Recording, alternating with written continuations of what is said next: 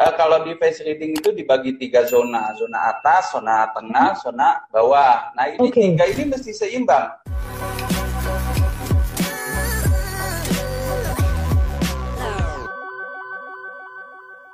Selamat sore untuk sahabat Sonora seperti biasa di hari Senin di pukul 4-nya kalau Anda ngecek yang namanya Instagram uh, Sonora FM 92 pastinya ada Instagram Talk untuk Sonora Feng Shui. Uniknya sahabat Sonora untuk hari ini kita akan ngebahas tentang face reading. Nah, penasaran gak tuh? Face reading ini ternyata uh, bisa ada pengaruhnya juga ke yang namanya hoki terhadap feng shui itu seperti apa. Nah, sudah bergabung juga nih ada Mas Kang. Apa kabar nih Mas Kang? Oke, ini ah, agak sedikit berbeda nih Mas Kang dengan uh, apa sih namanya topik-topik kita sebelumnya gitu kan. Kalau kita pernah ngebahas tata rumah kemudian juga kamar tidur seperti apa, juga sio-sio elemen-elemen juga gitu kan. Hari ini cukup menarik ini topiknya. Face reading terhadap feng shui. Nah, dari nah. wajah ini kenapa ini Mas Kang? bukankah di uh, obrolan-obrolan kita sebelumnya kalau hoki gitu kan, hoki ini bisa kita atur juga sebenarnya dari uh, tanggal bulan tahunnya kita, terus dari mana sebenarnya juga kayak kita kerja kerasnya juga ini bisa jadi hoki juga gitu kan. Tapi ternyata ada pengaruhnya juga nih dari face reading, uh, face reading ini gimana nih Mas Kang maksudnya? Iya, kan selama ini kita ngebahas uh, isi rumah melulu ya. Bener. Uh, mungkin pendengar Sonora udah termasuk stres juga kali ya mesti bongkar rumah melulu. Bener, yang harus nah, dipasang apa, bongkar apa gitu ya Mas Kang. Hmm. Hmm. Nah sekarang kita bongkar muka sekarang. mungkin lebih ke minimalisir aja kali ya Mas Kang ya, nggak sampai bongkar muka mungkin ya. oh iya, jadi kita uh, kalau mau di uh, dalemin lebih dalam ya tentang mm -hmm. face reading pasti uh, itu berjilid-jilid acaranya ya karena oh. face reading juga um, udah termasuk ilmu yang uh, tua ya, sangat mm. uh, sangat-sangat lama udah berkembangnya itu dari 2600 tahun yang lalu. Waduh. Ya sama kurang lebih sama seperti feng shui ya. Jadi uh, perkembangannya itu sampai sekarang ini pun udah banyak sekali aplikasinya, banyak yang pakai oh. untuk uh, cari jodoh ya, hmm. untuk cari karyawan tetap. Oh iya benar benar uh, benar dari face reading itu juga ya. bisa ya Mas Kang ya? Iya, bahkan uh, untuk sekedar uh, mengenal orang itu uh, tanpa harus mengenal terlalu lama. Ya dengan singkat waktu yang singkat aja kita bisa uh, kurang lebih paham karakter uh, seseorang. Ya, tapi kalau dari uh, dilihat dari sisi feng shui-nya, Mm-hmm. Uh, face reading ini dipakai kalau uh, kita mau tahu apakah ada energi yang terblokir dari diri seseorang, oh, okay. gitu. Jadi uh, aplikasinya juga bisa diterapkan di feng shui. Hmm, ini nih menarik. Ternyata feng shui juga bisa melihat dari energi-energi bukan bukan ini cocoknya sama siapa gitu ya Mas Kan ya, bukan diri tipe orangnya gimana bukan ya Mas Kan ya. Bukan, jadi ini lebih ke uh, energi. Mm-hmm. Jadi filosofinya dari uh, face reading itu adalah mm-hmm. pertama balik ke karakteristik, ya dari mm-hmm. karakteristik itu pasti terjadi habit, ya terjadi kebiasaan, mm-hmm. ya dari kebiasaan itu terjadi emosi, ya. Okay. Nah dari emosi itu yang akan terlihat ya terpampang di muka kita gitu. Ah, hmm susah-susah gampang ya Mas Kang ya? Apa lebih banyak susahnya susah, nih Mas Kang? Susah gampang. nah ini ya kalau uh, semua yang dipelajarin jadi gampang. Ya, jadi nah, kalau orang dia. yang nggak mengenal, mm-hmm. bagi orang yang nggak paham mungkin ah apa sih face reading ini jangan-jangan mm, teknik ya klinik uh, mm-hmm. supranatural. Ya, tapi sebenarnya di belakang itu ada uh, penjelasan ilmiahnya juga. Nah, tentang face reading ini Mas Kang kan tadi terhadap feng shui gitu kan bisa melihat dari energi-energi itu kan kalau tadi kalau rumah mungkin bongkar rumah apa segala macam. Nah ini dilihat ini apa sih mas Kang energi yang seperti apa kita tahunya itu gimana minimalisirnya gimana itu gimana mas Kang? Oke kita langsung aja ya mungkin mm -hmm. udah pada penasaran juga. Jadi uh, face reading yang paling utama ya adalah kita balik ke uh, sifat yin dan yang, keseimbangan. Hmm. Ya, uh, jadi yang harus dilihat uh, dari muka seseorang uh, adalah keseimbangan. Ya, apakah hmm. muka itu sudah seimbang atau belum? Contohnya ya, misalnya uh, kalau di face reading itu dibagi tiga zona, zona atas, zona tengah, zona bawah. Nah ini okay. tiga ini mesti seimbang, ya. Oh. Kalau ya dan termasuk samping-sampingnya harus hmm. Nah, jadi kalau itu aja kalau kita udah lihat muka seseorang sudah seimbang, itu artinya sudah menjadi nilai positif yang kita bisa hmm. lihat.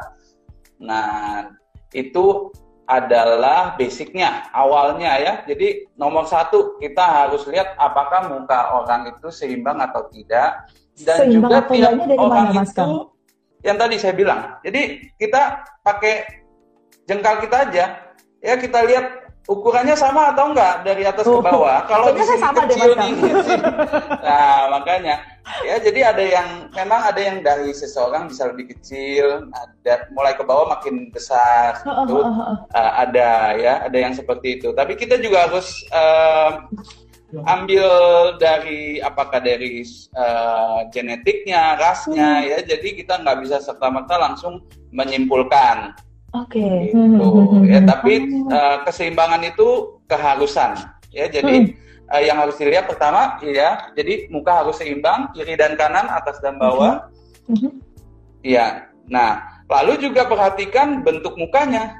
Ya, ada bentuk-bentuk muka, ada yang lonjong, ada, ada yang kotak, ya. oval, ya.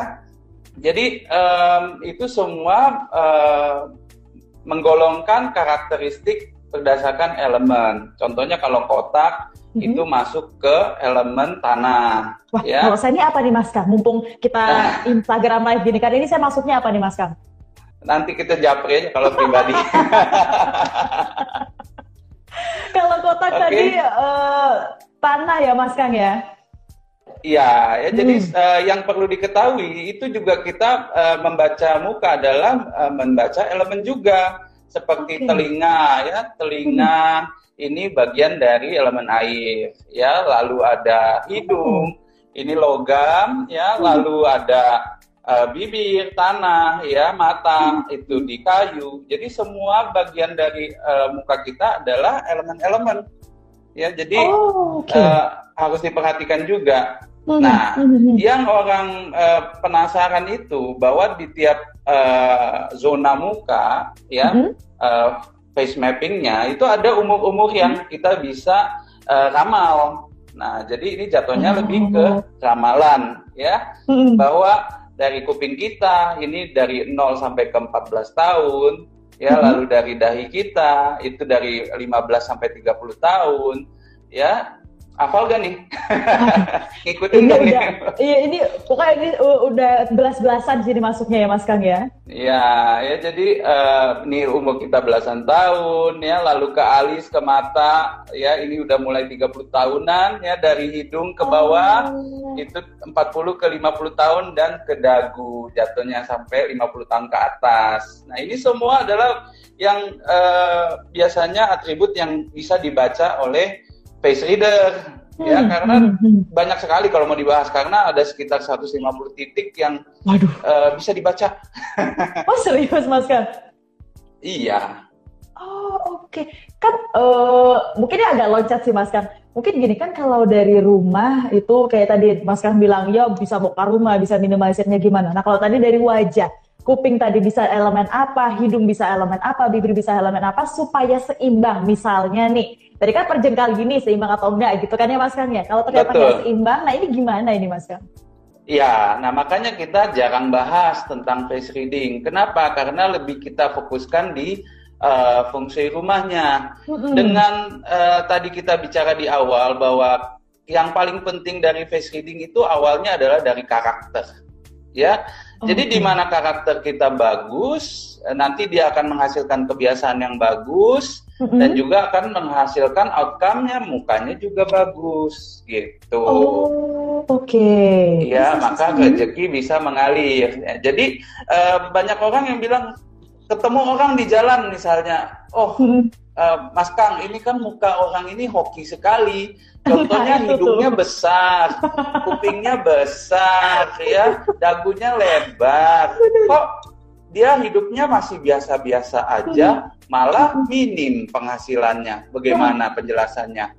Ya balik lagi, kalau lingkungannya tidak mendukung, ya fungsinya tidak baik, lalu uh, keputusan yang diambil itu di waktu yang salah, jadinya uh, rezeki yang kita baca dari muka itu tidak ada mhm. hasilnya.